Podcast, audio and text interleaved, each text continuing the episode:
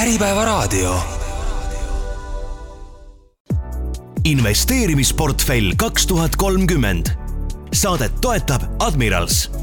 tähelepanu finantsinstrumentidega kauplemine on kõrge riskitasemega ja ei sobi kõigile investoritele. enne investeerimisotsuste tegemist tutvuge finantsteenuse tingimustega admiralmarkets.com. veenduge, et olete riskidest aru saanud ning vajadusel konsulteerige asjatundjaga hei, hei, Äripäeva raadio kuulajad, mina olen Markus Tamm ja alustan siin järjekordset põnevat saadet saatesarjast Investeerimisportfell kaks tuhat kolmkümmend, kus täna on mul rõõm vestelda rahatarkuse ja investeerimise treeneri, investori ja hommikused rahajutud saatejuhiga, tere tulemast saatesse, Jekateriina Tint! jaa, tere! no lisaks äh, siis investoriks olemisele, rahatarkuse õpetamisele vaatasin, et äh, oled ka eraisiku rahanduse õppejõud ja sertifitseeritud kestliku rahanduse analüütik. et nüüd läheb ju niisugune akadeemiliseks asi, et äh, mis on eraisiku rahandus ja kestlik rahandus, kui palju need omavahel seotud on? Mm. -hmm. Äh, sisuliselt, mis ma lisaks teen, on äh, kõrgkoolis Mainor, õpetan eraisiku rahandusained, kus me läbime päriselt kõik neid rahatarkuse abc-d äh,, isiklik finantsplaneerimine, krediitide, laenude kasutamine, investeerimise alused, investeerimise fondide, fondidesse maksustamine.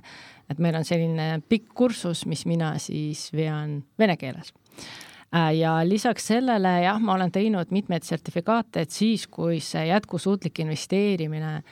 alles nagu tuli maastikule, järjest hakkasid tekkima neid rohelisi fonde, ähm, siis äh, minu eesmärk oli see, et ma tahaks nagu väga selgelt aru saada, mis asi see on, äh, sest see hakkab mõjutama kogu valdkonda. ja sisuliselt jah, läks teoreetiliseks, et, et ma õppisin, kuidas see asi töötab, kuidas ESG-d arvesse võetakse, kui palju seal on ähm, Äh, jätkusuutlikkusega seost, äh, mis need probleemsed kohad on, et igatahes äh, sai erinevaid koolitusi läbitud, aga tänapäeval jah, lisaks sellele ma tegelen ka nii eraisiku rahandusega kui ka noh, ettevõtjad üldiselt on ju, et, et ka ettevõtjale, kui sul on ettevõte, siis sa pead ka rahaasjadest nagu ülevaadet omama ja finantsotsuseid tegema. et minu jaoks on olnud selline äh, noh, eraisik, ettevõtja ja sealt nagu laieneb, et, et ma olen nagu kõik äh, eraisiku rahandusega olulisemaid teemasid püüdnud äh, katta.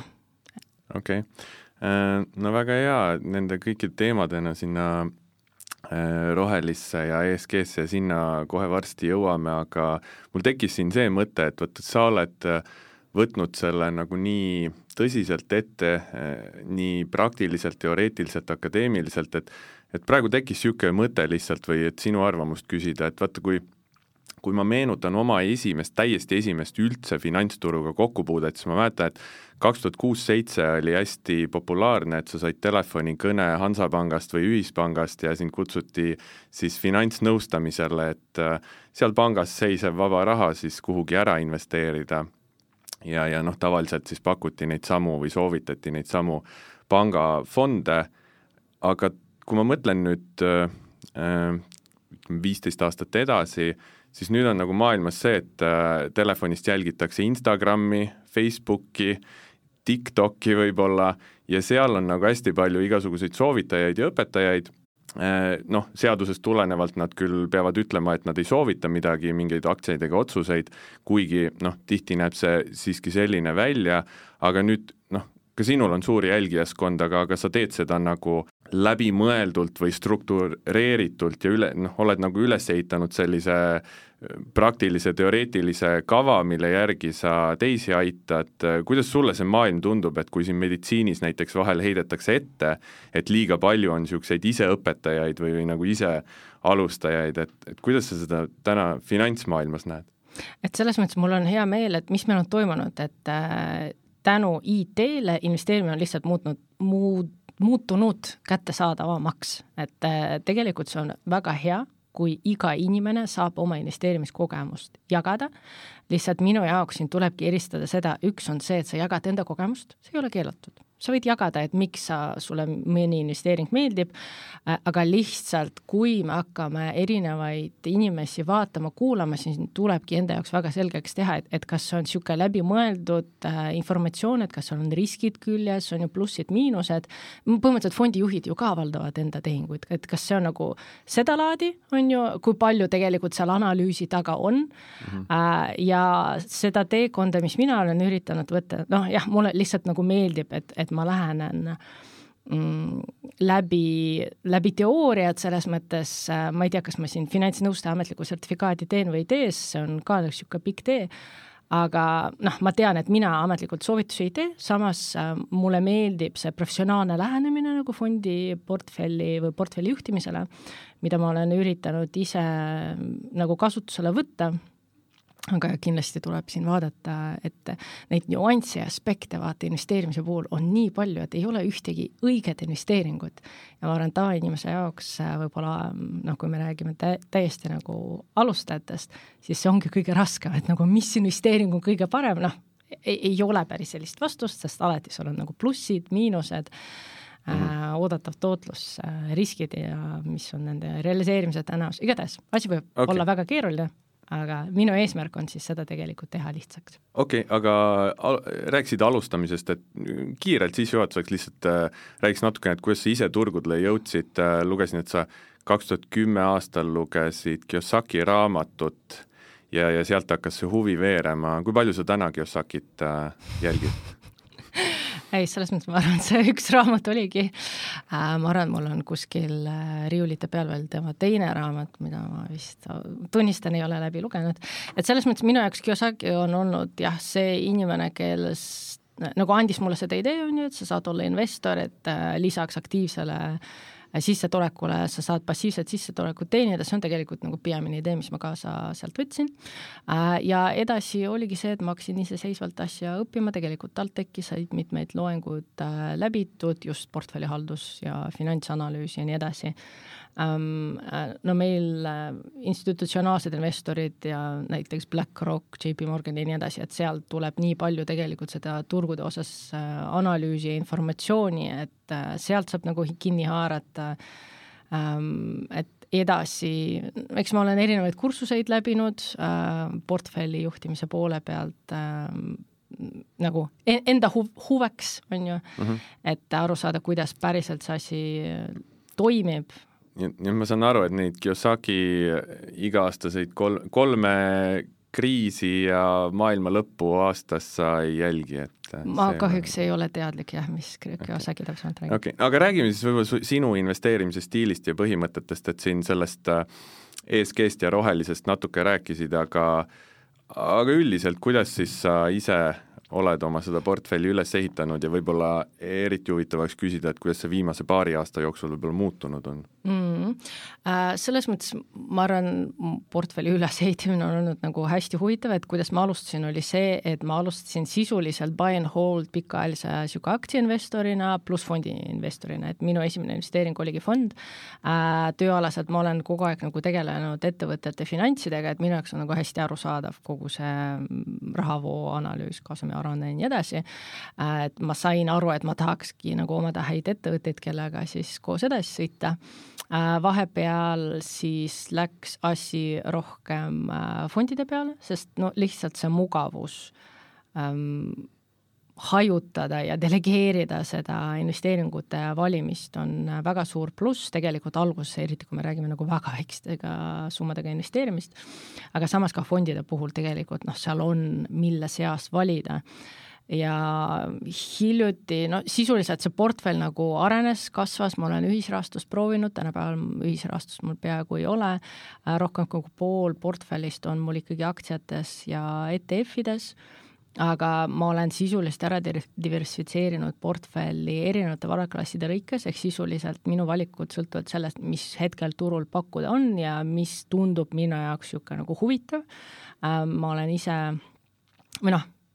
mina, mina nagu tegelen aktiivselt portfelli juhtimisega, tegelikult see portfell on äh, ühisvara omandis, on ju, et ähm, on olemas nagu väga selge tootluse eesmärk, mida ma tahaks saavutada, seitse kuni üheksa, see, seda me ei ole muutnud, aga selge eesmärk on see, et eesmärk on ka saada seda tootlust väiksema riskiga, ehk tegelikult äh, ma endale selgeks tegin, et ma sada protsenti indeksites ka ei saa istuda, esiteks no lihtsalt veits igav on, aga teiseks äh, see potentsiaalne nagu langus, et ma tahaks seda ähm, elimineerida või, või mitte, mitte näha minu portfelli langust nii suurelt. see on äh, hea mõte, sest minu meelest sellele pööratakse vähem tähelepanu, eriti selle osta-hoia ja passiivse investeerimisega, et vaadatakse, et äh, a la, et indeksi ajalooline tootlus on seitse protsenti aastas keskmine, aga ei vaadata seda, et see downside on võib-olla kriisides miinus viiskümmend, on ju, et mm, -hmm. et võib-olla see seitse protsenti keskmist on võimalik äh, natukene portfelli kuidagi hajutades või juhtides saada lihtsalt, ma ei tea, miinus kahekümne viiega, mitte miinus viiekümnega, mis on just, just. tegelikult juba minu jaoks vähemalt nii suur samm edasi aga enamike jaoks võib-olla ei ole nagu vahet, et noh, seitse protsenti tootlust, seitse protsenti tootlust, pole justkui vahet. aga noh, tegelikult kui sa teed seda nagu drawdown'i läbi seal mm, -hmm. siis on mhm. minu meelest väga suur vahe, kas see on miinus viiskümmend või miinus kakskümmend viis, noh näiteks. no täpselt. aga, aga, aga siin praegu meenus veel üks mõte, mida ma ise hiljuti mõtlesin, et tihti minult kui kauplejalt küsitakse, mis mu see tootlusootus ja see on ja siis ma hiljuti nagu mõtlesin, et tegelikult õige vastus edasi min-, edasi minnes oleks öelda, ma ei tea sest noh, tegelikult mul, mul, mul võib ju mingi idee või ootus olla, aga, aga tegelikult me ei tea, palju me järgmine aasta, järgmise kolme või viie aastaga tootlust teenime, kui jah, just ei ole mingi väga fikseeritud intressimääraga instrumendid aga no, noh, kui sa oled aktsiates, siis on väga raske öelda, palju sa tootlust ootad äh,. nõus, noh, pikaajaliselt me saame jällegi mineviku pealt nagu vaadata ja tegelikult, kui me juba vaatame üksikuid aktsiaid, noh, seal on võib-olla kergem selliseid nagu prognoose, finantsprognoose teha ettevõtte puhul, aga ma arvan, investori üks äh, teine pool, äh, mis ongi hea, et ma tegelikult saangi valida teisi varaklasse, mis näiteks maksavadki mulle suuremaid intressimäärasid, et äh, mina olen ikkagi võtnud selle tootluse eesmärgi endale ette, sest noh, minu jaoks on väga selge ka, et, et näiteks kui ma olen ebaõnnestunud aktsiate valimisel ja seal seda tootlust ei tule, siis tekib küsimus nagu miks, miks ma üldse näiteks üksikaktsiaid valin, kui seal tootlust ei ole, et äh, minu jaoks on niisugune portfelli juhtimise üks tööriist ja mõõdik, sest see dikteerib ikkagi ka seda, mis investeeringuid ma vaatan, mis investeeringutest ma loobun, noh, kui sa juba mainisid, et mis muudatusi ma olen mingi viimase paari aastaga teinud, noh, see, see ikkagi nagu dikteerib asju mm. -hmm. aga aktiivne versus passiivne investeerimine, ma olen tihti mõelnud plussidest-miinustest, ootusest, äh, ootustest versus tegelikkusest, et äh, vahel jääb mulje, et on nagu kaks leeri, on need, kes õudselt promovad seda, et iga kuu pane mingi osa oma sissetulekust indeksisse, ära üldse vaata, ära üldse näpi ja siis noh, on need, kes väga aktiivselt äh, juhivad oma portfelli, aga ma ei tea, paranda mind, kui eksin, tundub, et sa oled seal kuskil vahepeal, et selles mõttes sa võtad nagu natuke mõlemast maailmast, et sa kasutad seda passiivse investeerimise eeliseid, aga samas sa ikkagi juhid aktiivselt oma portfelli, mis sa ise nagu nendes plussides-miinustes näed, kummale poole sa ise nagu kaldu oled või kumb, kumb see stiil sulle rohkem meeldib, et kas see osta ja unusta indeksit või siis ikkagi see, et sa saad äh, vaadata mingeid aktsiaid, äh, mingit sektorit, äh, püüda seda ajastada natukene mm.? no siin tegelikult äh, küsimus, kui palju mul aega üldse on, on ju. no päriselt, et kui me okay. räägime, et jaeinvestor või tavaline investor tahab tegeleda aktiivse portfelli juhtimisega, küsimus tekib, et kui palju sa päriselt tahad aega sinna panustada. ja minu jaoks on tõesti olnud selline tasakaal, noh, põhimõtteliselt, mis mina olen mõelnud, ongi see, et kui turud tõusevad ja me teame, et meil viimati noh, me saame vaadata, et kust see kasv on tulnud viimased kümme aastat, siis tegelikult noh, minevikus oleks saanud rahulikult istuda indeksites, võib-olla võtta seal paar kasvuaktsiaid, et seda paremat kasvu saada äh, nüüd samamoodi ma istun osaliselt indeksites, aga ma olen võtnud näiteks ka võlakirju või mingeid muid äh, aktsiaid, mis on minu seda downside'i veidikene nagu minimeerinud, on ju, et, et see tootlus parem oleks. et, et ma ETF-idest nagu noh, kuskil veerand on, tegelikult me kunagi täitsa alguses mõtlesimegi, et kuidas see portfell võiks välja näha ja eesmärk oligi, et see portfell ongi hajutatud, et ETF-id noh, kui sul aktsiate valimine ebaõnnestub või ma ei tea, need võlakirjad lähevad õhku, siis sul vähemalt noh, turu keskmine jääb, aga samas püüad oma oskusi rakendada nende üksikute valikutega ka. ja noh, selge on see, et kust näiteks parem tootlus on tulnud minu portfellis aastal kaks tuhat kakskümmend kaks, oligi see, et tänu sellele, et mul olid võlakirjad, mis pakkusid äh, pidevat stabiilset rahavoogu, tänu sellele, et ka äh, näiteks olen kulda võtnud, mis jällegi oli riskide vähendamine, mis äh, minu portfelli jaoks nagu töötas, et see parandas selle tootluse ja mina tegin järelduse, et järelikult olid nagu õiged valikud tehtud. kui kaua sa kulda plaanid hoida? Äh, mul on tegelikult see võetud niisugune taktikalise positsioonina, et senikaua, kuni on asjad ebaselged, siis ma hoian, tänapäeval selle osakaal on veits nagu suuremaks kasvanud, aga noh, viis protsenti on ju, sest äh, kulla hind ongi kasvanud äh,. Vaatame, see sõltub kõik nagu majandusest, et kui siin äh, näiteks kui on väga selge, et hakkab järgmine pulliturg, et ma saan aru, et see kuld enam vaata ei kasva, sest investorid leiavad teisi võimalusi, kuidas paremat tootlust teenida, noh siis saabki kullast nagu loobuda mm. -hmm. aga seni, kuni ei ole selge, mis maailmas toimub ja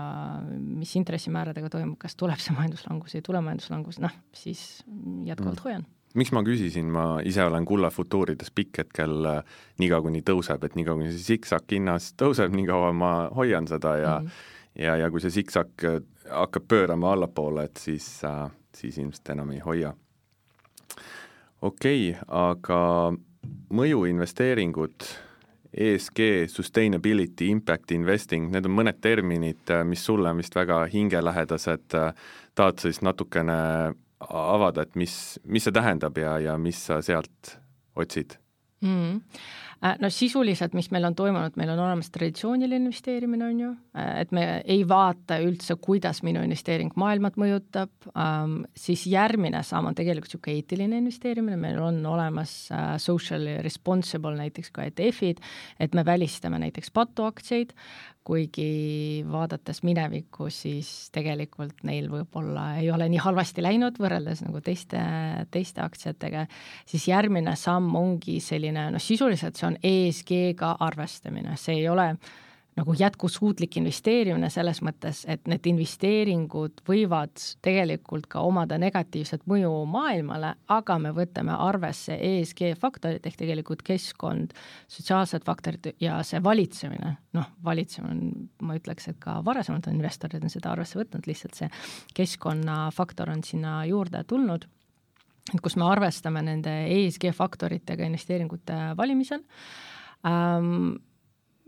minu jaoks on lihtsalt selge see, et tänapäeval see ESG on vaata nii suur teema, jätkusuutlikkus on nii suur teema, see raporteerimiskohustus järjest tuleb ettevõtetele, et see tekitab ettevõtete jaoks potentsiaalset riski, et kui sealt tuleb midagi välja negatiivselt, siis see mainerisk vaata on väga suur tegelikult, mis võib aktsia hinda mõjutada. Ja seega minu jaoks ongi niisugune tavapärane osa, et noh, sa pead seda arvesse võtma, nagu ma ei tea, Hiina aktsiatega, et noh, see valitsemise risk seal veidikene on, sa, sa ei saa seda nagu ära ignoreerida,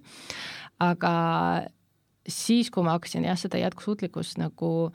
mm, ise õppima, siis ma sain aru, et okei okay,, noh, mina võin arvestada selle ESG-ga, aga tegelikult kui ma tahan päriselt, et oleks midagi positiivset maailmale, siis noh, järgmine samm on mõjuinvesteering, kus meie eesmärk number üks on, et see, mida me finantseerime, omaks mõõdetavalt positiivset mõju keskkonnale või sotsiaalselt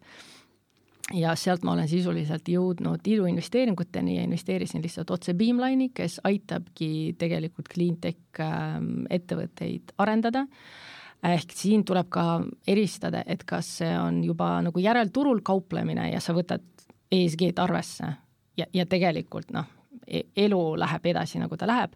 või me päriselt äh, finantseerime äriettevõtte tegevust, mis mõjutab konkreetset ettevõtet, et sa päriselt nagu toetad oma äh, rahaasjaga, no näiteks kui me anname laenu või finantseerime võlakirju Äh, või tegeleme iduettevõtlusega, see nagu otseselt mõjutab ettevõtte rahavoogusid tänu sinule sisuliselt ettevõte kas saab tegutseda või ei saa tegutseda, et et seal ma kindlasti nagu tahaks rohkem äh, seda jätkusuutlikkuse ESG põhimõtteid rakendada. aga järelturul tegutsedes, noh, meil on kauplemine, kas sa võtad ESG-d arvesse? ei võta nojah, et selles mõttes see on niisugune eraldi maailm ja seal ma ütleks, seal on rohkem oluline seda, kuidas äh, fondijuhid ise valitsevad äh, oma investeeringud ja kui palju nemad äh, äh, ütlevad sõna sekka, et nagu kuidas see ESG aruandlus on, et noh, kuidas nemad mõjutavad ettevõtteid, et nemad hakkaks nagu jätkusuutlikumaks, aga noh, see on ka eraldi teema. aga ma nüüd natuke ütlen vahele, et sa küsisid, kas ma võtan ESG-d kauplemise aadresse, ma ütlesin nagu kuidagi võib-olla jäi natuke ülbe mulje, et justkui, et ei võta, et nagu ma ei hooliks keskkonnast ja maailmast, aga tegelikult on lihtsalt see, et ma ei võta mitte midagi arvesse no peale just. hinna ja see ei tähenda seda, et ma ei oleks ESG aktsiates, kui nad tõusevad ja näitavad momentumit, et kui, kui nende hind sentimendi peal näiteks sõidab üles äh,, ma tean, ma siin pikalt hoidsin äh, sellist aktsiat, vist on isegi endiselt, ja endiselt on portfellis FSLR on First Solar, kas see on kuidagi ESG-ga seotud või? mul lihtsalt nimi jätab mulje, ma ei tea täpselt, millega see tegeleb, see on mul puhtalt nagu hinna liikumise pealt äh, aga no on ju eraldi sellised taastuvenergia allikad. et, et see taastuvenergia ettevõtted justkui läheks sinna alla, et siis ma võin öelda, et ma olen ka Äh, nii-öelda roheinvesteeringutes ja päästan maailma, kui mu raha seal kasvab? no sa ei saa öelda, et sa päästad maailma, et selles mõttes vaata jätkusuutliku investeerimises äh, seal on olemas nagu täitsa seitse erinevat viisi, kuidas äh, ESG-d arvesse võetakse. üks, no näiteks kui me räägime, et meil on siin Clean Energy fond, see on tegelikult temaatiline investeerimine, et tegelikult noh, seal vaadatakse üht teemat, kuhu paigutatakse või mille järgi paigutatakse raha aga see teine küsimus on see, et noh, ka taastuvenergia allikate arendamisega on seotud ka keskkonna negatiivset potentsiaalset mõju, mis on ära peidetud kuskil in the supply chain, vaata, kuna sa kaevandad metalli ja nii edasi ja nii edasi, et kui palju seda vaadatakse. Ja siis noh, veel võimalused on äh, näiteks välistamine, et me välistame ettevõtteid, kes mingeid äh, norme ei täida või kellelgi, kellel on mingeid suuremaid riske. Äh, üks või võimalik viis on näiteks võtta paremate ESG skooridega ettevõtteid noh. aga ma saan aru, et see kõik see ilus maailma päästmine on seal number kaks, et investoril number üks on ikkagi oma rahakott ja varade kasvatamine, et äh, sa oled öelnud, et äh, Exxoni müügiga maailma paremaks ei tee ja ma saan aru, et noh, keegi teine lihtsalt ostab selle ära ja mm. ja kui naftaettevõtetel läheb hästi, siis lihtsalt keegi teine sinu asemel teenib Exxoni, äh, Chevroni ja teistega selle raha, on ju, et kui palju seal ikkagi nagu on seda tasakaalu, et noh, ma, ma, ma ei tea, võib-olla mingi halb, halb võrdlus tuua, et kui, kui inimene läheb CV keskusesse, et endale töökohta otsida, siis kui palju ta mõtleb maailma parandamisele ja kui palju ta mõtleb sellele, et tal on vaja nagu arvete maksmiseks raha teenida või et ta tahab palka saada, et, et investorina, kui palju sa mõtled maailma parandamisele, kui palju sa mõtled oma varade kasvatamisele, et noh, me kõik inimestena tahame, et, et keskkond säiliks, maailm oleks parem, aga nii, mulle tundub, et see on nii kaua, kuni jutt läheb rahakotile, nagu oma rahakotile? Äh, nojah, selles mõttes, kui lugeda viimast BlackRocki CEO kirja, siis seal oli selline lause we will not be environmental police, mitte no midagi sellist mm -hmm. on ju selle nagu eesmärgiga, et loomulikult fondi juhi eesmärk number üks on ära tuua see tootlus, on ju, ta ei saa olla sul jätkusuutlikkuse juht ja öelda, et kuule, kas sa nüüd, ma ei tea, parandad seda osa oma protsessist selleks, et mõju oleks negatiivne versus see, et me, ma ei tea, väljume oleks tore, no tegelikult, mis selle jätkusuutlikkuse või ESG investeerimise point oli, oleks see, et nagu äh, innustada ettevõtteid rohkem raporteerima ja vaatama jätkusuutlikkust ja iseendal nagu parandada jätkusuutlikkuse parameetrid äh,, aga selge on see, et tegelikult seda rohkem nagu mõjutavad regulatsioonid, mis siis äh, toovad neid nõudeid seda ära teha. Ja noh, see on balanss, tänapäeval mina nagu väga selgelt saan aru, kuidas ESG riskide, ESG riskid ja ESG-st tulenevad võimalused, nad on otseselt nagu sul tootlusega nagu seotud ja neid tasub arvesse võtta äh,. aga ülejäänud, et kui sa päriselt tahad maailmat päästa, noh, selleks ma ütleks, on olemas teised organisatsioonid, mis kuidagi otseselt mõjutavad ja siis regulatsioonid, mis järjest tulevad, et äh, ja clean tech ja climate tech nagu sellised tehnoloogiad. Kui tahad maailma päästa, siis ära investeeri börsil, vaid mine ookeanist prahti üles korjama. no see näiteks. oleks jah, suurema mõjuga Aga..., kuigi samuti on hea investeerida ettevõttesse, kes näiteks finantseerib sellist äh, koristamist. mainisite iduettevõtet Beamline, kust kaudu sinna saab investeerida, kas olid otse laua taga või läbi mingi platvormi või? äh,? tänapäeval nad vist tahavad raha kaasata ka läbi platvormi USA-s, aga sisuliselt saab otse kirjutada ah,. Okei okay., et sa oled seal kuskil juba päris alguses, nii et kui nemad lendavad, siis sina ma olen, saad väga jõukaks? äh,. et sa olid nii alguses ja, juba peal? noh, selles mõttes need on täitsa nagu alustavad ettevõtted, on ju kõige suurema riskiga, et mõnel ettevõttel on see product market fit leitud, keegi arendab oma toodet, kellelgi võib-olla esimene prototüüp on, et selles mõttes see risk on seal väga-väga suur Äh, kui sealt keegi lendab ja tänu nendele erinevatele regulatsioonidele see tõenäosus, ütleme niimoodi, järjest nagu kasvab, on ju, sest nõudlus nende tehnoloogiate vastu suureneb, siis, siis saab positiivset tootlust, aga jällegi see on niisugune pikaajaline investeering ja väike osakaal minu portfellist.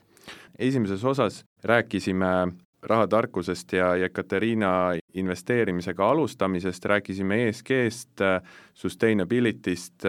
portfelli hajutamisest ja aktiivsest passiivsest investeerimisest, nüüd teises osas äh, tahaks natuke rääkida ka Jekateriina enda portfelli sisust, lugesin su blogis lehel, et alustasid kunagi ammu kuuekümne euroga, et äh, küsiks kõigepealt, kuhu selle siis investeerisid ja kas täna teeksid teistmoodi? Mm? -hmm selles mõttes jaa, ma, kuna ma tegelesin ettevõtte finantsidega, siis ma sain aru, et mis on aktsia ja ettevõte, tahtsin ettevõttesse investeerida, aga jällegi mul ei olnud seda head analüüsi tehtud, et ma oskaks ja julgeks üksikaktsiaid näppida ja siis ma tulin panka ja ütlesin, et pakkuge mulle fond. mina tol hetkel nagu ei osanud jah, fondi analüüsi teha ja sisuliselt olin mitmed aastad aktiivselt juhitud fondis, äh, mille tootlus, ütleme, oli tagasihoidlik äh, võrreldes indeksfondidega ja tänapäeval kindlasti ma oleks teistsuguse valiku teinud ja oleks raha paremini kasvatanud, kui ma oleks äh, tol hetkel seda valikut teinud, aga noh, selline algus sai tehtud. hiljuti oli sul hommikused rahajutud saates külas minu hea sõber Märten Kress, dividendinvestor ja minu meelest seal talle ütlesid, et esimene aktsia, mille sa kahjumiga maha müüsid umbes kaks tuhat üksteist aastal, äh, oli Baltika ja, ja mida sa siis ostsid, kuna sulle tooted meeldisid. Äh, mina mõtlesin sult küsida selle peale, et kuidas investor kahjumit realiseerib, et äh, me alati räägime või tähendab, investorid räägivad, mina ei räägi, räägivad siis raha turgudele viimisest ja säästmisest ja aktsiate ostmisest, et, et, et kuidas raha aktsiatesse börsile panna, aga kuidas investor siis kahjumit realiseerib, et äh, on see nagu mingi paika pandud protsess või tuleb lihtsalt emotsiooni ja kõhutunde pealt või?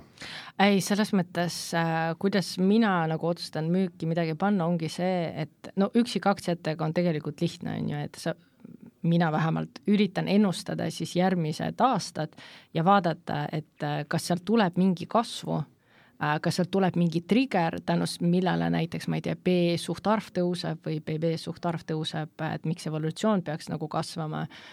Äh, ja puhtalt selle põhjal tegelikult saab juba teha, et äh, noh, kuna mul või meil igaühel on mitmeid investeeringuid laual, siis me saamegi eelistada, et kas sa tahad pigem nagu ma ei tea, mittekasvavat ettevõtet, kus ei ole selge, kust see kasv tuleb, versus see, et siin on näiteks ettevõte äh, Äh, millel võib olla ka kvalitatiivsete näitajate puhul meeldib rohkem, et äh, alati valikut on ja siis lihtsalt saabki otsust teha, et äh, kui, kui ei leia nagu põhjust, et miks järgmised aastad ettevõttesse investeerida ja näiteks see usk lõppude lõpuks ära kaob, siis noh, kui kaua sa ikka istud seal. et, et, et, et võib, kas võib öelda, et sa mõtled läbi selle umbes nii, et kas ma täna tahaks osta mm -hmm. ja kui see juba on sul portfellis, aga kui sa nagu täna osta ei tahaks, siis tegelikult võiks nagu portfellist ju ära müüa kui ostuhuvi ei ole? või ei ole päris see niimoodi mustvalge? no võib-olla see on see, äh, ma arvan, et see loogika oleks selge, noh, mine jaoks, mina alati üritan nagu mõelda tuleviku peale, on ju. -hmm. et tuleviku nagu rahavoogude peale, et kas ettevõttel nagu on müügitulu kasv, kasumi kasv, kas, mis uudised, kuidas majandus nagu mõjutab seda äh, ja kuna meil siin väga palju majandusega seoses nagu ebaselgust, siis lõppude lõpuks äh, ongi veits nagu määramatust, et kui kaua sa jaksad oodata, et kuni olukord selguneb, et millal see nagu kasv tuleb. et kui ma teen ostuotsust, siis äh, no eks ma üritan sama asja tegelikult jah, analüüsida, et võib-olla oleks jah, no parameetrid ja mida ma analüüsin, on eeldatavasti üks ja sama, lihtsalt et kui sa nagu oled ostupoolel, sul on selgelt nagu valik, vaata, et kas see on niisugune lühiajaline positsioon, näiteks üks kuni kolm aastat, mingi taktikaline idee, mida sa tahad ära realiseerida, versus see, et see on niisugune pikaajaline, ma ei tea, läbi majandustsükli järgmised kümme aastat, või see ongi niisugune, et nagu ettevõte, millesse ma usun, millega ma nagu kaasa sõidaks järgmised kuni elu lõpuni. igavesti. aga räägi siis tänasest portfellist, mis sul seal huvitavat on, mis sel aastal, ma, ma, sa sealsamas oma saates rääkisid pooljuhtidest, semikonduktoritest, rääkisid ka riitidest, aga et nendesse vist sul lähiajal suurt usku pole. Jaa, no selles mõttes see portfell on hetkel hajutatud ja kui sa mainisid äh,, ma ei tea, millest me alustame, riitidest äh,, mul on olnud lihtsalt see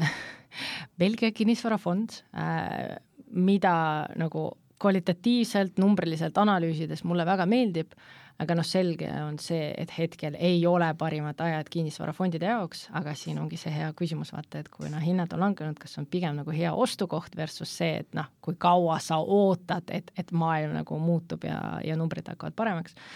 Et kuna mul on seal äh, praegu neli erinevat kinnisvarafondi, Äh, ma ise kaldun äh, sellesse, et noh, nende osakaal äh, on, on nagu väiksemaks läinud ja, ja see on okei okay,, et siin ongi minu jaoks küsimus, et kui palju ma arvatavasti juurde ostan, kui ma tõesti nagu usun, et ettevõte on pikaajaliselt hea ja on kasvupotentsiaaliga. Ja siis need ettevõtted, kes võib-olla ka oma juhtimise poole pealt ei ole nagu ära näidanud, et nad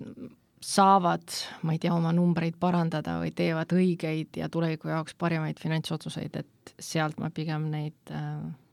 lasen neist lahti äh,, isegi kui nad tõusevad, sest äh, noh, potentsiaalselt sisuliselt, kui laua peale tulevad, ma ei tea, võlakirjad, mis on niisugune garanteeritud tootlusega, siis see on see alternatiivne variant, kuhu raha paigutada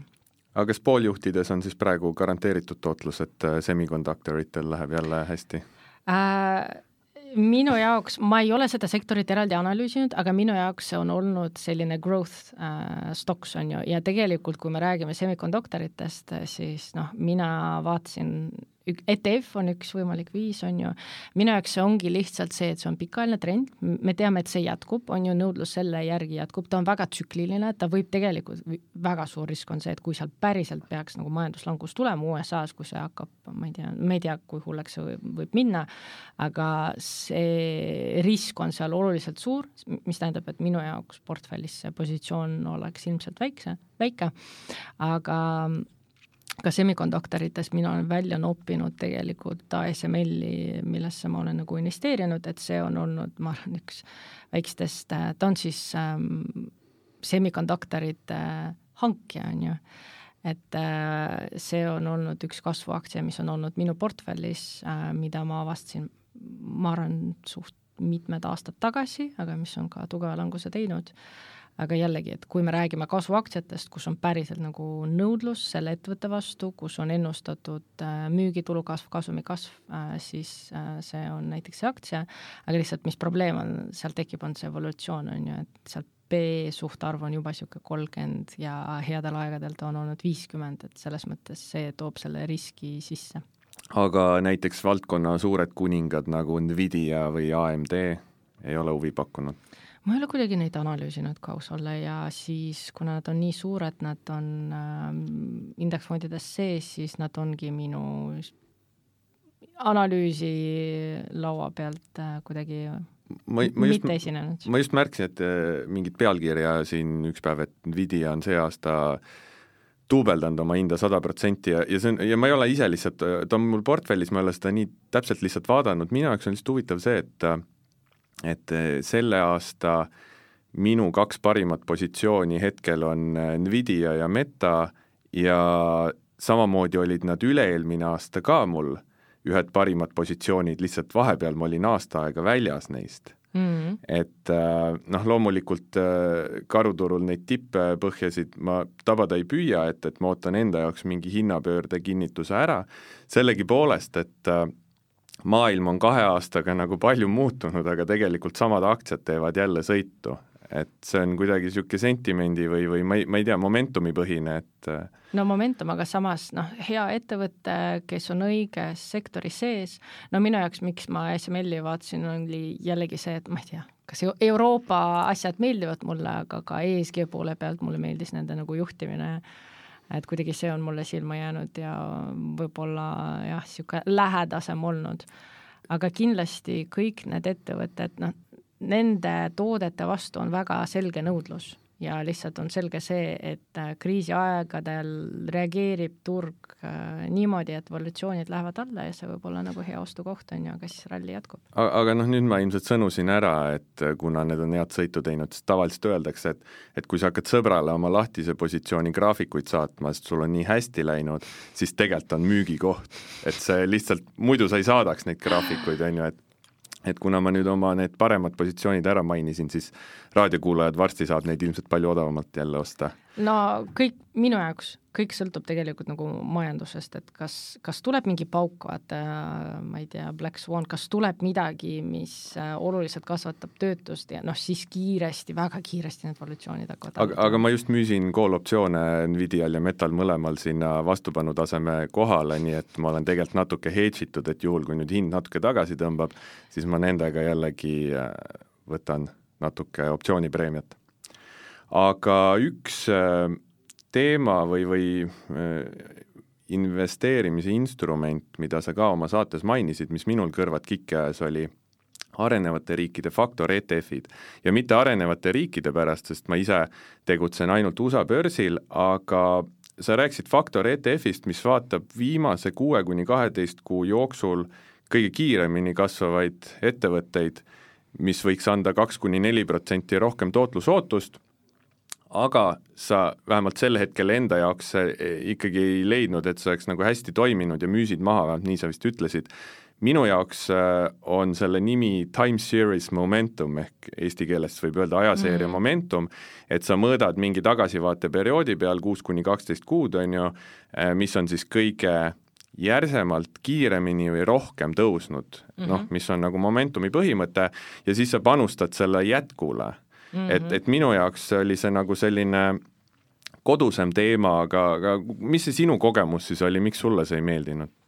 Äh, need olid arenenud riikide faktor ETF-id, arenevate riikide faktor ETF-id, ma ei tea, kas ah, okay, või ei ole. siis sain mina MSCI... valesti aru, aren-, arenenud riikide okay,, ja MSCI okay. World Momentum, ehk selles mõttes jaa, mul oli üks faktor strateegia, mida ma alustasin vist kaks tuhat kakskümmend. Äh, MSCI World Quality ja MSCI World Momentum et kui sa mainisid Momentum, et see on tõesti nagu väga sarnaneb selle nagu kauplemisega ja tegelikult no erinevad kvantitatiivsed äh, analüüsid on nagu ära tõestanud, on ju, et see momentum nagu eksisteerib ja ta tegelikult on väga hästi toiminud just nendel kasvuhetkedel, no eriti siin peale koroonakriisi tegelikult, kui kõik need Momentum aktsiaid on andnud nagu oluliselt parema tootluse ja pikaajaliselt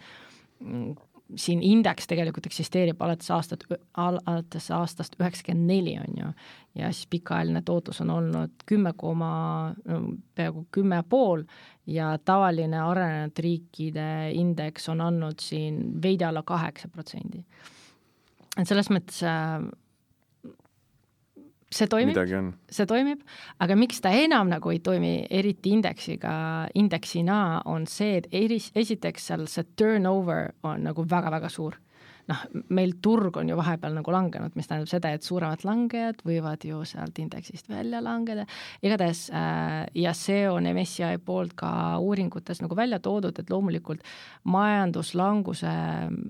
nagu nõrgematel momentidel tegelikult see momentum indeks hästi ei toimi, ta toimib siis, kui on kasvuturg, on ju, et siis ta edestab ja see strateegia töötab, aga kui ongi aeg, ajad segased, mis nad on olnud siin nagu juba teatud, ma ei tea, varsti poolteist aastat,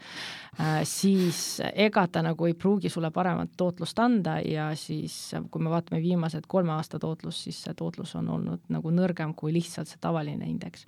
et ma tahaks nagu jätkata selle quality äh, quality ETF-iga, sest no see on niisugune nagu fundamentaalanalüüsi poolt nagu kvalitatiivne nagu screening on ju, et sul on kõrge ROE, stabiilsed äh, stabiilne kasum aktsia kohta äh,, ei ole kõrget nagu võlgnevust et see on niisugune nagu kvalitatiivne screening. Aga momentum, sisuliselt ma olen üritanud, noh, see läks juba kauplemise peale, et ma olen üritanud seda vahetada value'ga, on ju, et siin tegelikult mm -hmm. üks mõõdik ongi, et kas meil kasvuaktsiad perform ivad paremini või pigem value aktsiad perform ivad paremini. mul on veel dividendi ETF ka, mis tegelikult sisuliselt ongi need value aktsiad. et minu jaoks äh, asi läks veits äh, ma, ma ei ole leidnud põhjust, miks ta peaks praegustel aegadel, praegustel majandustingimustel perform ima paremini kui tavaline indeks ja seega ei olnud piisavalt nagu veendumust, et miks peaks selle strateegiaga jätkama. Mm. Eks ta noh, ma ise seda Momentumit kaubeldes võin öelda, et eks ta on natuke psühholoogiliselt valus ka selles mõttes, et ma pidevalt äh, realiseerin neid kahjumeid, need, mis ei tööta ja siis sealt vahelt sõelun või, või jäävad siis pinnale need, mis tõesti lendavad mm. ja mis jäävad portfelli, aga noh, see eeldab lihtsalt, tihti on see võidumäär on madal, lihtsalt võitjad on suured ja, ja enamus igapäevast tegevust on lihtsalt kahjumite korjamine, on ju, et niikaua, kuni need suured võitjad siis lõpuks kohale jõuavad. aga räägiks korraks äh, kohalikust Balti börsist ka, et raadiokuulajaid kindlasti huvitab, äh, mis sa Tallinna börsi kohta arvad, sest äh, minu hea sõber, keda ma siin juba mainisin, Märten Kress, ütles paar kuud tagasi meie börsijuttudes, et Balti börsi, Tallinna börsi kohta, et miks see juba ei kuku. et mis sa arvad siis? no selles mõttes ma ei tea, me kõik ootame, mis USA-l juhtub ja äkki, äkki kukubki ähm,. meil on selgelt see, et meil on ettevõtteid, kellel lihtsalt see tõusu kasvutrend jätkub, on ju, sest nad on trendis sees, no taastuvenergia, energia noh, jätkuvalt on vaja, loomulikult risk on kuskil olemas äh,. mul portfellis on jätkuvalt selliseid pikaajalised positsioone, kus on niisugune hea juhtkond, kus on ka pikaajaline kasv sees, no näiteks Harju Elekter on ju,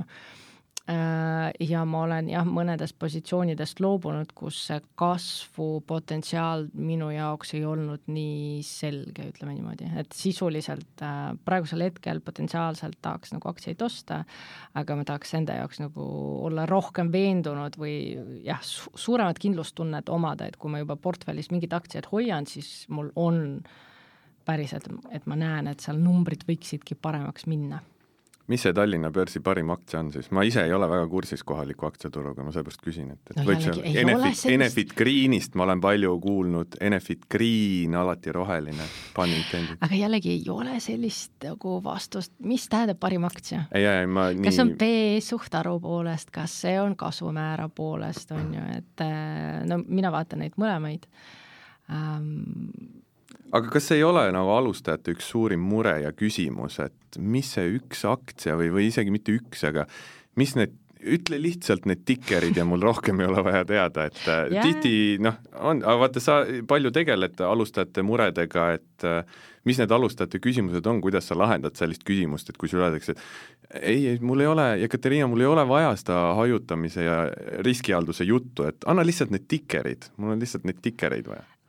no selles mõttes, aga siis jällegi saab vaadata, no näiteks üks analüüs, mis ma olen teinud, on dividendi tootluse pealt, noh vähemalt, no mina ei tohi soovitusi anda, aga yeah. kui sa tahad numbrite pealt valida, siis üks variant on see, et sa valid näiteks kasvunumbrite pealt, kes on kõige kiiremini kasvanud. siis teedki, ma ei tea, infolehe lahti ja sõelud välja, et mis need ettevõtted on, kellel müügitulu on kõige kiiremini kasvanud ja noh, veidikene ikka analüüsi on vaja teha, et see kasv nagu jätkub äh, ja siis investeerid nendesse teine variant on, ma ei tea, et kui on oluline suur dividenditootlus, siis vaatame välja, kes need kõige paremad dividendimaksjad meil on ja, ja investeerid siis nendesse, et et kui me räägime siin sisuliselt äh, kvantitatiivsetest investeerimisstrateegiatest, siis lihtsalt tuleb mingist numbrist kinni haarata ja, ja siis äh, endale Excel tabel näiteks paika panna ja selle järgi nagu numbrid valida ja aktsiaid valida väga hea vastus, aitäh. Äh, mis sinu jaoks on rahatarkus, kui rahatark sa ise oled, et kas sul on mustvöö või, või on veel minna? ma ei tea, ma ei hakka ametliku rahatarkuse definitsiooni andma, et on ju, aga sisuliselt ma arvan, rahatarkus on õpitav, seal on kindlasti olemas selline äh, nagu baasrahatarkus on ju, et säästa, maksa endale esimesena, ära võta võlad ja minu sisuliselt suur missioon, miks ma üldse nagu rahatarkuse edendamisega tegelen, ongi see, et see on selline baas, mida peaks nagu koolist juba ja kodust tulema, noh, sa pead seda baasi sealt saama ideaalis äh,. vähemalt teeme ka nagu kõik ja ma loodan, et selles osas tegelikult on suht tööd veel tegelikult kahjuks teha äh,, aga veidikene asi paraneb, ma loodan ja teine juba jah, need erinevad tasemed, et äh, kui hästi sa investeerida oskad ja investeeringuid valid, äh, ma ei tea, versus ma ei tea, laenu kasutamine jällegi investeerimise eesmärgil ja kuidas sa ise täna enesearenguga tegeled, kas on mingi teema, millega sa tunned, et sa seisad silmitsi ja et, et peaks nagu rohkem kuidagi õppima ja ise arenema, et, et noh, see, selles mõttes, et sa ju palju aitad teisi, õpetad teisi, aga tegelikult ju ka äh, noh, me kõik õpime pidevalt ise edasi, isegi kui, kui juba mingid asjad on selged ja teisi aitad, et äh, kuidas sa ise nagu aga selles mõttes ma arvan, igal inimesel on ju mingi enesearengu teema, loomulikult noh, ma mõtlengi, seda ma küsingi, et mis see sinul on? Äh,? mul on neid nii palju selles mõttes äh, üks võib-olla niisugune järjepidev läbi aastate teema on olnud selline kas eneseotsing või, või ongi see, et mis on just see minu tugevus, kuidas mina saaks kõige paremini ennast rakendada siin maailmas, on ju arvestades äh, minu eripärasid, ma ei tea, analüüsioskuseid, organisatsioonseid oskuseid ja nii edasi, et kui sa oled ettevõtja, siis see maailm, vaata, on nii avar, et sa saad sisuliselt ükskõik mida teha. aga see muutub samas ka nagu kohe keerulisemaks, on ju, sest sa ei ole enam üksi, on ju, sa ei muretse ainult enda pärast, vaid sa võidki tiimi moodustada, suuri asju teha, et et see on olnud, ettevõtlus on kindlasti üks suur ja väga huvitav piiramatu väljakutse, millega saab tegeleda ja millega ma jätkuvalt tegelen, sest seal lihtsalt valdkondi on ju kõik, mis sul laua peal ette tulevad sinu tegemiste ja, ja projektidega saavad raadiokuulajad täpsemalt tutvuda su kodulehel moneysmarterme.eu, aga on veel midagi, minul on veel siin palju teemasid, meil kahjuks saateaeg hakkab äh, otsa saama, et mina hea meelega räägiks veel tund aega sinuga siin, aga aga kuna meil paar minutit on aega, siis ma lihtsalt küsin, et kas on veel midagi, mida ma ei osanud küsida, millest sa ise tahaksid rääkida kuulajatele või on sul äkki mõni äge käimasolev projekt või mingi üritus tulemas või mis sa nii-öelda tahaksid veel raadiokuulajatele kaasa anda siin sellest tänasest vestlusest? No ma iga kuu üritan äh, midagi huvitavat, kasulikku ja tasuta teha, et äh, saab lihtsalt minu näiteks uudiskirjaga liituda või, või vaadata minu Instagrami, kus ma neid uudiseid äh, postitan, et mingeid tasuta huvitavaid asju alati tuleb. aga mis ma tahaks edasi anda, ongi see, et, et asi tegelikult, ta on niisugune keeruline, on ju, aga ta saab olla väga lihtne. ta saab olla lihtne siis, kui sa endale seda selgeks teed või keegi sinu jaoks seda selgeks teeb, et tasub endale lihtsalt kirja panna see nagu teema või küsimus, et et mis on see järgmine asi, sest muidu võibki uppuda lihtsalt sinna investeerimismaailmasse mm.. võib-olla ütled siis oma Instagrami kasutajanime, et oleks raadiokuulajatel lihtsam sind üles leida? Äh, Instagramis äh, konto on samamoodi moneysmarter.me, aga kui te lihtsalt panete Katariina Tint, siis usun, et mind saab ka selle järgi leida. aitäh selle huvitava ja meeldiva vestluse eest, Jekateriina! aitäh! Saade, mida kuulasite, on investeerimisportfell kaks tuhat kolmkümmend, kus täna oli mul saates külas investor Jekateriina Tint, mina olen saatejuht Markus Tamm, kuulmiseni! investeerimisportfell kaks tuhat kolmkümmend. saadet toetab Admirals. tähelepanu finantsinstrumentidega kauplemine on kõrge riskitasemega ja ei sobi kõigile investoritele. enne investeerimisotsuste tegemist tutvuge finantsteenuse tingimustega admiralmarkets.com. veenduge, et olete riskidest aru saanud ning vajadusel konsulteerige asjatundjaga